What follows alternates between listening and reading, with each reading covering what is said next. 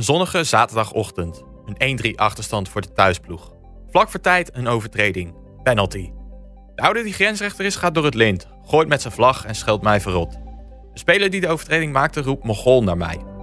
Nadat hij een rode kaart heeft gekregen, zie ik hem tussen kluwe spelers doorlopen. Voor ik het weet, geeft hij mij een klap. Als ik van het veld wil lopen, kom ik een boos bestuurslid tegen. Lens! Scheidsrechter! Hey! Luister! Ik zeg het acht keer! De wedstrijd mag ik niet staken. Na een woordenwisseling zoek ik mijn toevlucht in de kleedkamer, waar alles indaalt. Dit is Teruggefloten. Een podcast over geweld tegen scheidsrechters in het voetbal en wat de sport eraan doet om dit tegen te gaan.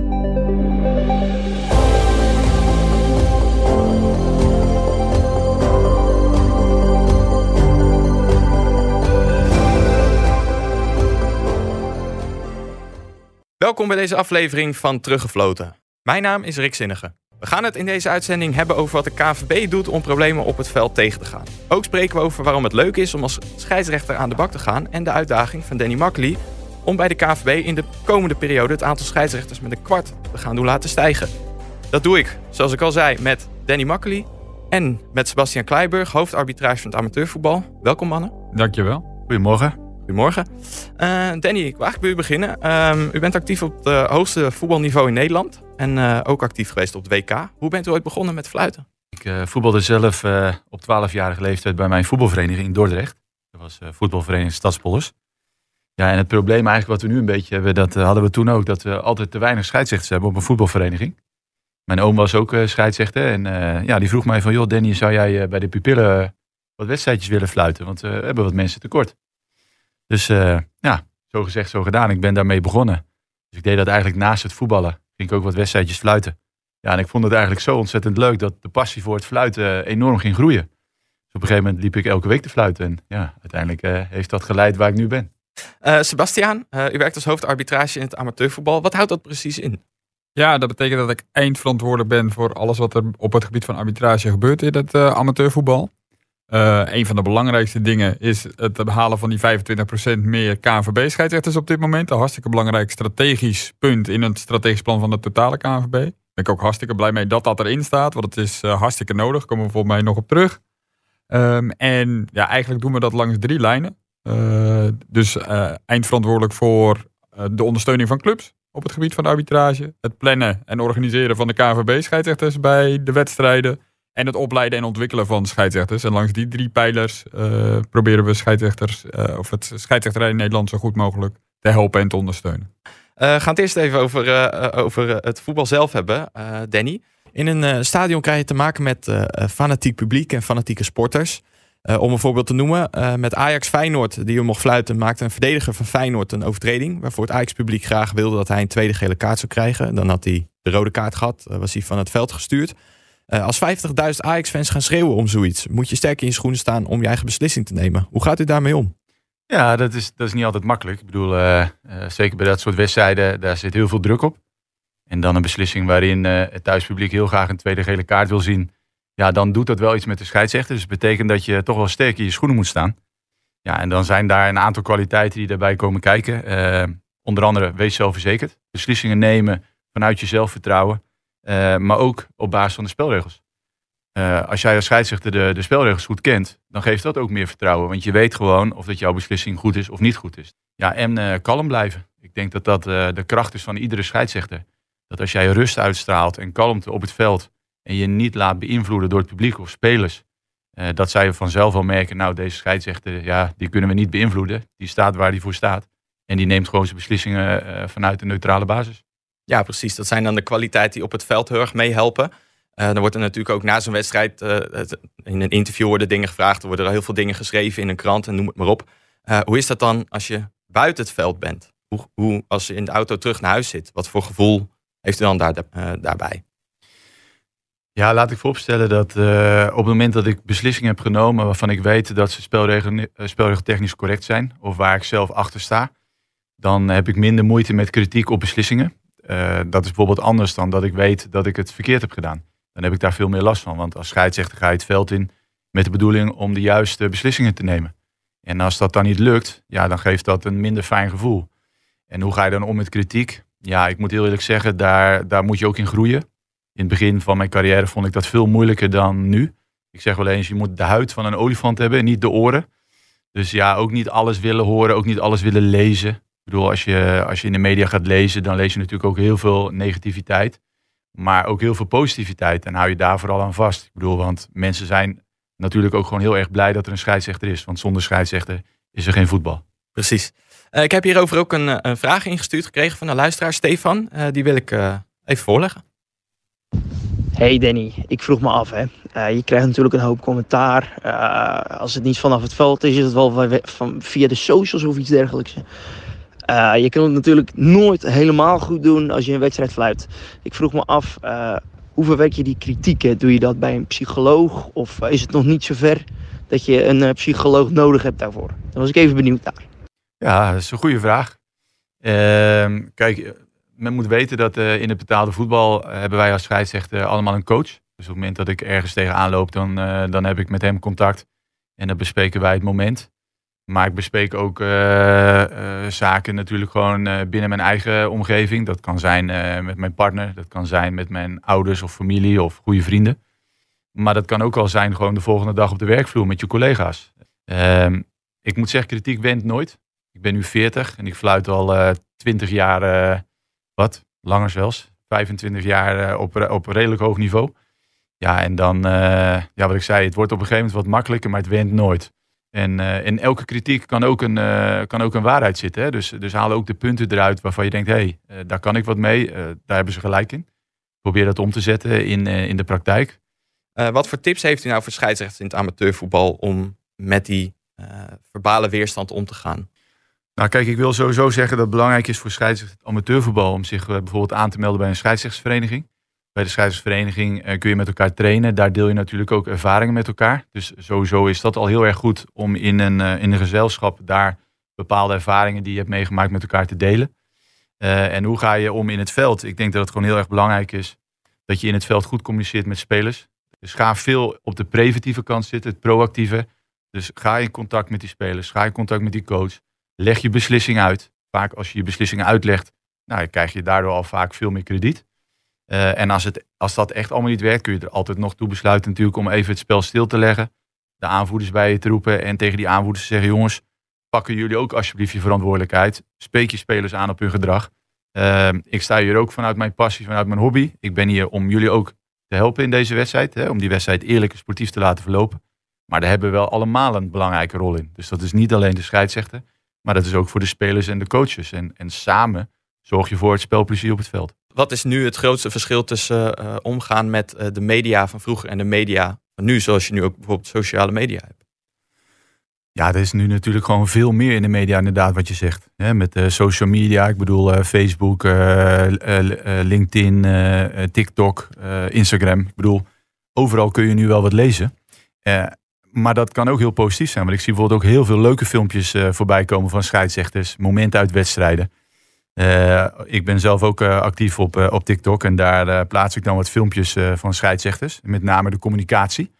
En, en dat zijn hele leuke filmpjes. En als je dan ziet dat bijvoorbeeld een filmpje in een paar dagen tijd al bijna 1 miljoen keer bekeken is.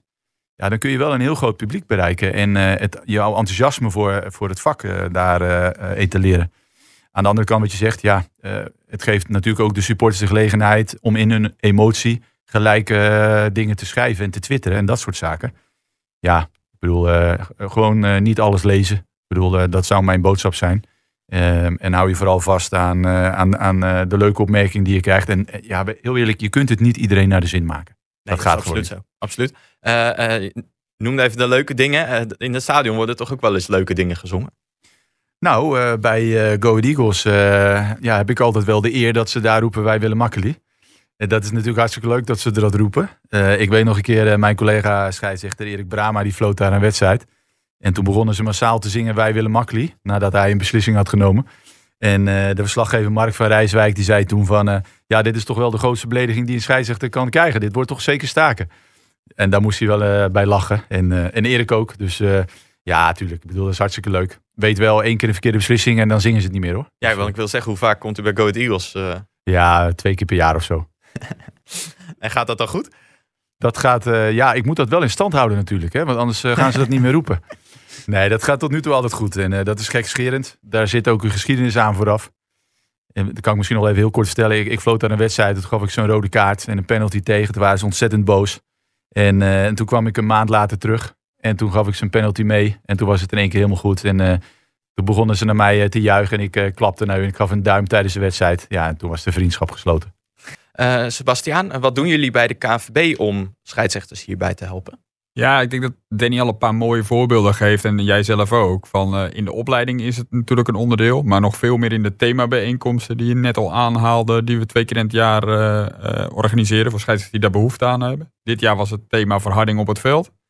En in de maatschappij. Dus dan is dat, sluit dat helemaal aan bij scheidsrechters die daar behoefte aan hebben. Van hey, hoe ga ik daar nou mee om? En hoe ga ik nou om met verschillen op het veld? En hoe spelers met mij communiceren. Nou, in die themabijeenkomsten laten we ook vooral scheidsrechters met elkaar eh, in gesprek gaan van hey, hoe werkt dat dan? En hoe pak jij dat dan op om met elkaar eh, eh, uit te wisselen van hoe werkt dat dan? En naar de toekomst toe willen we veel meer nog, en dat past ook bij ons plan, meer scheidsrechters. Om veel meer scheidsrechters te informeren, ontmoeting te creëren.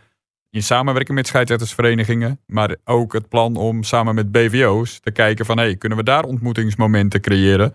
Om en jezelf te ontwikkelen, maar ook om andere scheidsrechters en coaches en rapporteurs eh, eh, te ontmoeten. En kennis uit te wisselen op die eh, momenten. Maar ik sluit ook nog wel even aan bij wat, wat Danny zegt. Van, ja, als je zo'n wedstrijd ingaat, hebben alle partijen wel een verantwoordelijkheid. Dus het is niet alleen die verantwoordelijkheid van die scheidsrechter die dan maar de spelregels moet gaan bewaken. En dat spelers de grenzen mogen opzoeken tot waar die scheidsrechter zegt tot hier. Het is echt een gezamenlijke verantwoordelijkheid van die trainer, die spelers en de scheidsrechter om er samen een leuke wedstrijd van te maken. Ja. Eh, en dat, dat is denk ik wel een cultuurverandering die we in het amateurvoetbal zeker willen gaan bereiken.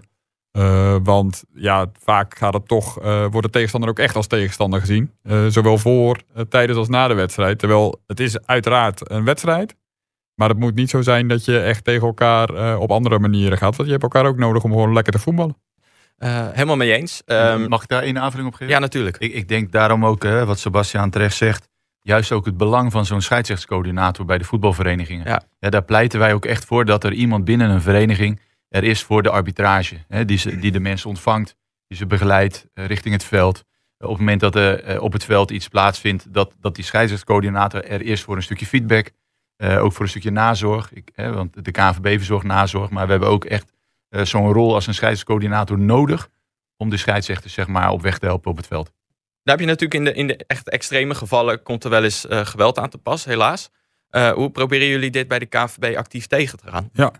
Ehm, nou, we hebben de aanpak risicoverenigingen. Dat is eh, een aanpak waarin we sowieso kijken elke week in een monitoringscommissie zoals het heet. Van wat zijn de incidenten, welke clubs komen nou vaak terug en waar moeten we een aanpak doen. Nou, daar hebben we drie fases in. Dat is heet duiden, sturen, straffen. Waarin je ook zegt van ehm, ja, we gaan clubs ondersteunen in eerste instantie als het niet goed gaat. Maar in het uiterste geval gaan we ook straffen en zelfs het lidmaatschap opnemen als zo'n club helemaal niet meer past binnen het landschap wat we goed vinden in het voetbal. Ehm, dus dat is een hele belangrijke kern van wat we doen. Eh, daarnaast eh, hebben we ons tuchtrechtspraak de afgelopen jaren nog verder geprofessionaliseerd. Eh, en zijn de straffen ook wel echt flink hoger geworden dan, nou, zeg, vijf, zes jaar geleden. Ehm, en ja, als laatste, uiteindelijk geloven we erin dat als clubs goed functioneren, dat het dan ook veiliger wordt op, op zo'n club. Dus als er een scheidsrechterscoördinator is, als er een goed bestuur is, als dat allemaal goed georganiseerd is bij een club, zien we gewoon dat er minder incidenten zijn. We horen natuurlijk vaak dat, eh, dat, dat eh, wedstrijden uit de hand lopen. En dan komt natuurlijk altijd het nieuws en dat wordt uitvergroot. Maar om hoeveel gaat het nou echt? Ja, goede vraag. Kijk, eh, je ziet een enorme uitvergroting van de gestaakte wedstrijden. Dat is ook hartstikke terecht, hè, want elk geval is er één te veel. Eh, maar als je het hebt over het aantal gestaakte wedstrijden vanwege wanordelijkheden, zoals we dat eh, noemen, dan heb je het over, ongeveer over 0,07% van het totaal. Dus we hebben per jaar ongeveer 700.000 wedstrijden. Nou, laten we zeggen dat rond de 550, 600, dat die gestaakt worden vanwege wanordelijkheden. 600 te veel, absoluut.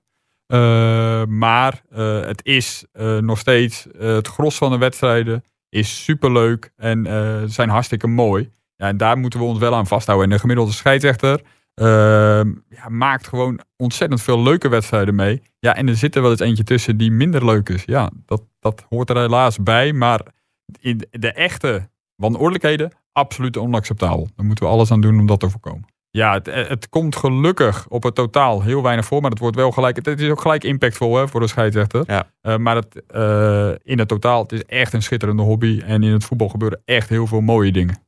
Vinden jullie uh, dat de, de, KVB, net al even een beetje benoemd, dat, dat zij er genoeg zijn voor scheidsrechters waarbij iets gebeurt of en die iets overkomt? Ja, we hebben een aantal trajecten die we daar hebben lopen. Uh, dus uh, wat we in ieder geval hebben is het noodnummer wat je wellicht ook kent. Dus iedere scheidsrechter kan een telefoonnummer in het weekend bellen. Van als er echt iets aan de hand is, uh, heb dat telefoonnummer bij je en zorg dat je daar naartoe belt. Gelukkig gebeurt dat heel weinig. Maar als het gebeurt is het er. En is er ook gewoon altijd iemand beschikbaar. Er zit een centrale achter die altijd beschikbaar is.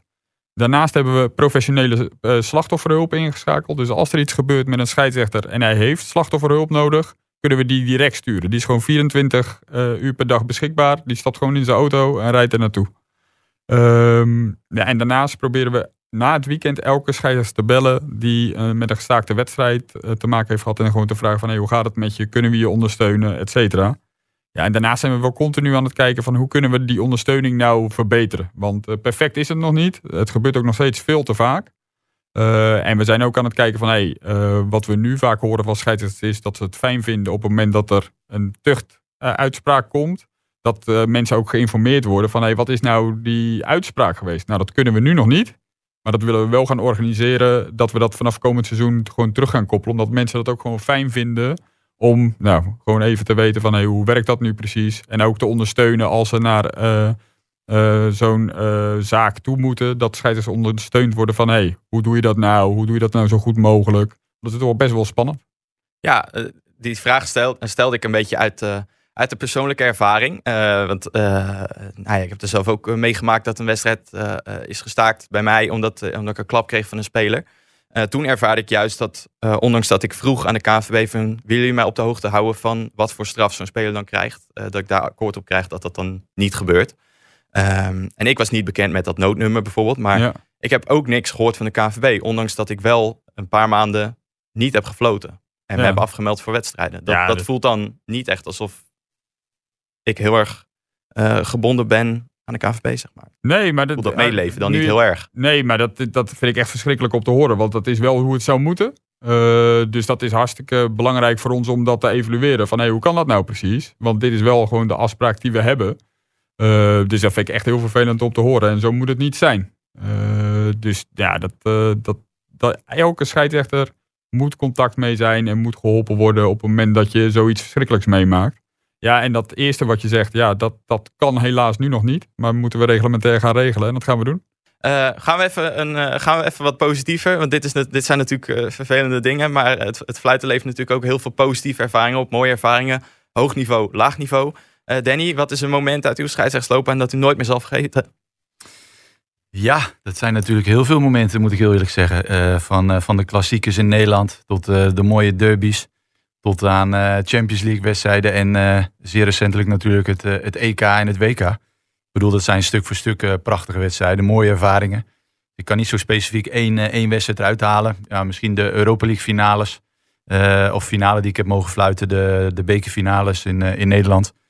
Maar ook gewoon uh, zeg maar de ervaring die ik heb met mijn team. Ik bedoel, ik heb een vast team. Dus uh, wij doen die wedstrijden elke keer samen, ook in het buitenland. Dus je bent veel met elkaar aan het reizen. Je bent veel met elkaar op pad.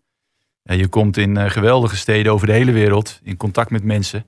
Ja, dat, er is niks mooiers dan dat. En als scheidsrechter staan wij natuurlijk altijd tussen al die grote spelers hè, op het veld. En we hoeven geen kaartje te kopen. Shirtje ruilen? Shirtje ruilen. Bedoel, uh, waar mensen een kaartje moeten kopen en op de tribune uh, mogen zitten en op een afstandje.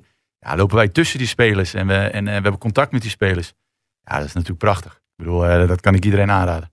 en daarom willen we natuurlijk ook dat veel meer mensen gaan fluiten met z'n allen. we hebben mensen in de voetbalkantine eens de stelling voorgelegd of zij wel scheidsrechter zouden willen worden. Dat doe ik al bij de hockey, dus ik fluit al veel en ik ga dat niet bij de voetbal doen. Helaas specifieke reden waarom je het niet met voetbal wil doen? Uh, nee, ik laat het lekker bij hockey. Ik heb uh, het geweld gezien bij voetbal, omdat ik zelf ook tot mijn 27e gevoetbald heb. Ik uh, blijf lekker op het hockeyveld lopen.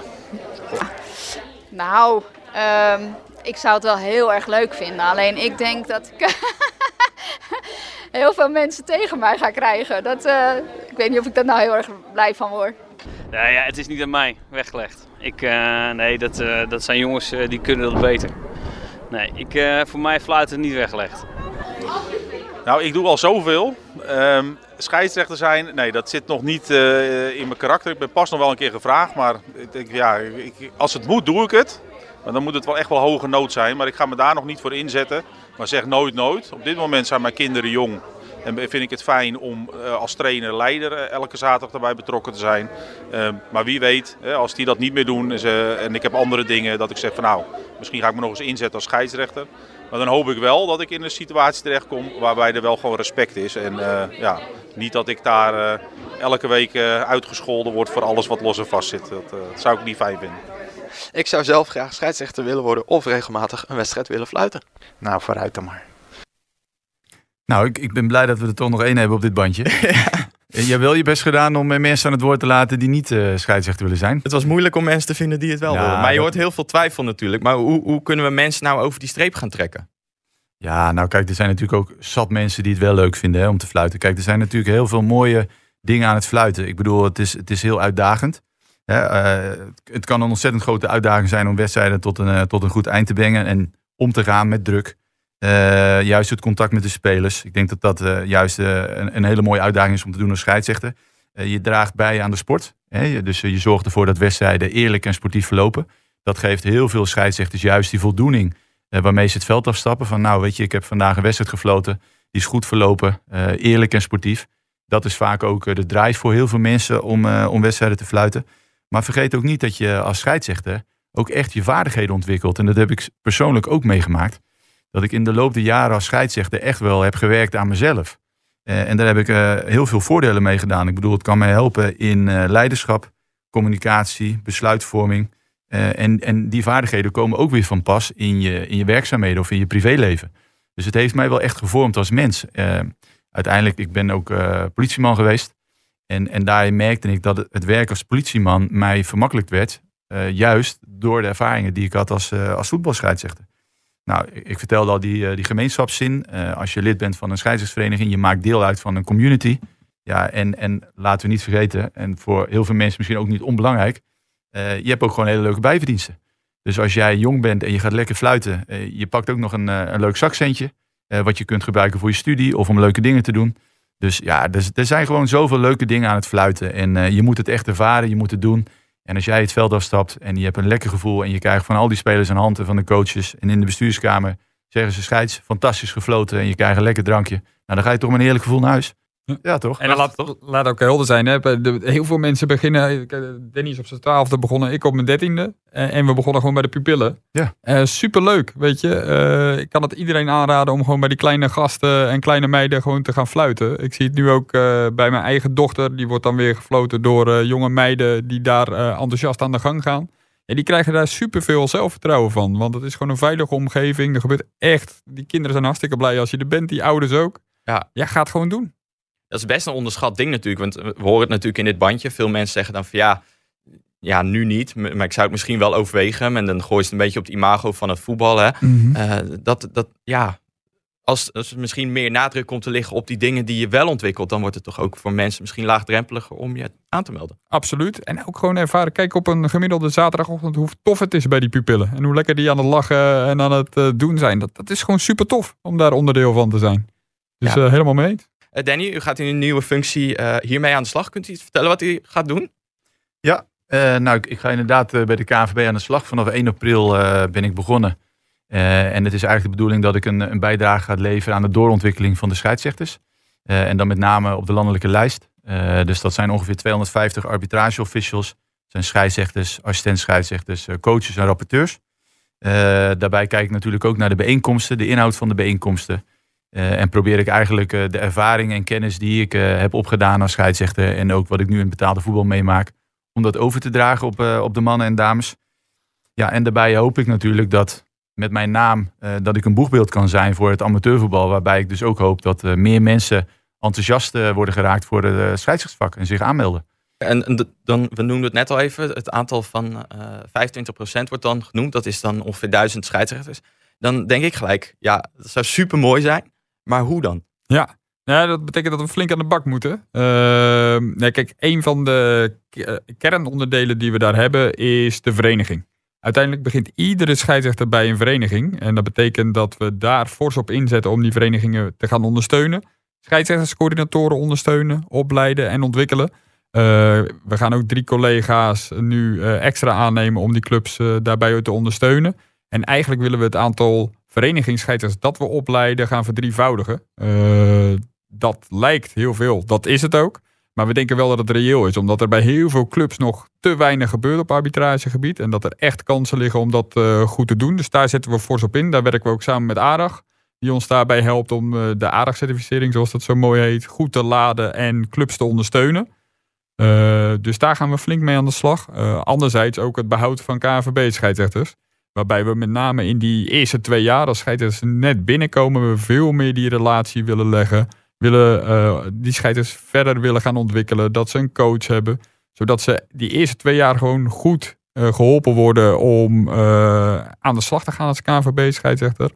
En we willen veel dichter en persoonlijker contact met de scheidsrechter hebben. Je ziet nu dat de KNVB toch als een ver, nou ja, je gaf net zelf ook een voorbeeld, toch wat ver afstaat. Ja, dat willen we veel beter gaan inrichten door dichterbij te staan. Vaker bijeenkomsten te organiseren waar collega's van mij bij zijn. Um, zodat mensen ook het gevoel hebben van hey, ik hoor er ergens bij, ik hoor bij de KNVB, ik uh, word geholpen op de juiste momenten. En uh, als laatste gaan we echt aan de slag met de ontwikkeling van de scheidsrechters. Zodat ze ook langs de kwaliteiten die ze leuk vinden om verder te ontwikkelen, leiderschap, uh, dat soort kwaliteiten die ze ook in hun, uh, op andere plekken weer verder kunnen etaleren, dat we dat gaan doen. het is belangrijk, want dat tekort is best aan het groeien, toch? ja, dat, dat is eigenlijk al jarenlang gaande.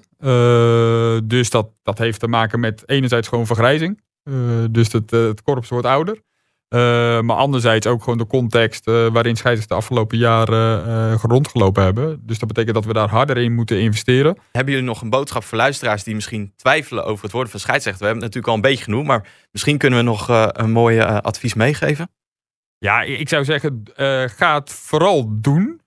ga het ervaren en kijken hoe leuk het is. Ja, zeker voor jonge gasten en jonge meiden die ook iets in het voetbal willen doen, ja, ga dit ook gewoon uitproberen. Omdat je er gewoon enorm veel aan hebt in je persoonlijke ontwikkeling ook. En je komt in een situatie terecht waarin je inderdaad ook in een ja, community van andere scheidsrechters komt. Ja, dat is echt wel een warm bad. Dat kan, uh, weet ik zeker. Ja, ik sluit me helemaal aan uh, bij uh, Sebastian. En weet ook dat meer dan, dan voorheen is er aandacht voor scheidsrechters. Ook vanuit de betaald voetbalscheidsrechters komen wij in het land. We komen bij de verenigingen.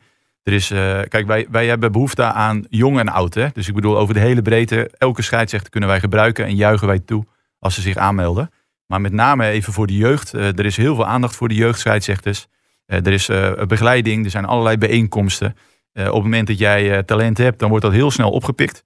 Ja, en wij hebben wat dat betreft verschillende trajecten ook om jonge scheidsrechters sneller naar de top te kunnen krijgen als zij, als zij goed fluiten. Ja, en, en ik, ik ben nu 40. Ik bedoel, uh, mijn, uh, er zit een houdbaarheid aan mijn fluiten. Voor sommige supporters uh, zou dat het liefst nog vandaag zijn. Maar ik wil nog wel een paar jaar door.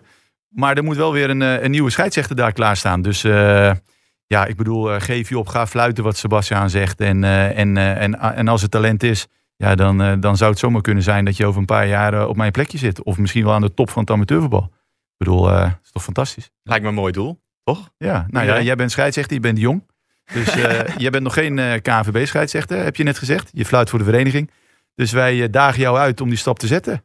Ja, ik heb wel KNVB gefloten. Ik, ben, ik zit in principe in jeugd C. Zit ja. ik. Alleen dit seizoen ook niet gefloten. Maar ik zal er wel weer eens over nadenken om, om terug in te stappen. Zeker na vandaag. Kijk, dat horen we graag. Ja, laten we hopen dat veel anderen dat ook gaan doen. En dat, dat we een toename zien van scheidsrechters in deze mooie sport. Ik wil je heel erg bedanken voor jullie komst vandaag. Graag gedaan. Graag gedaan. Jij bedankt. Dit was de laatste aflevering van Teruggefloten. Bedankt voor het luisteren en ook dank aan alle gasten die hebben meegewerkt aan deze podcast.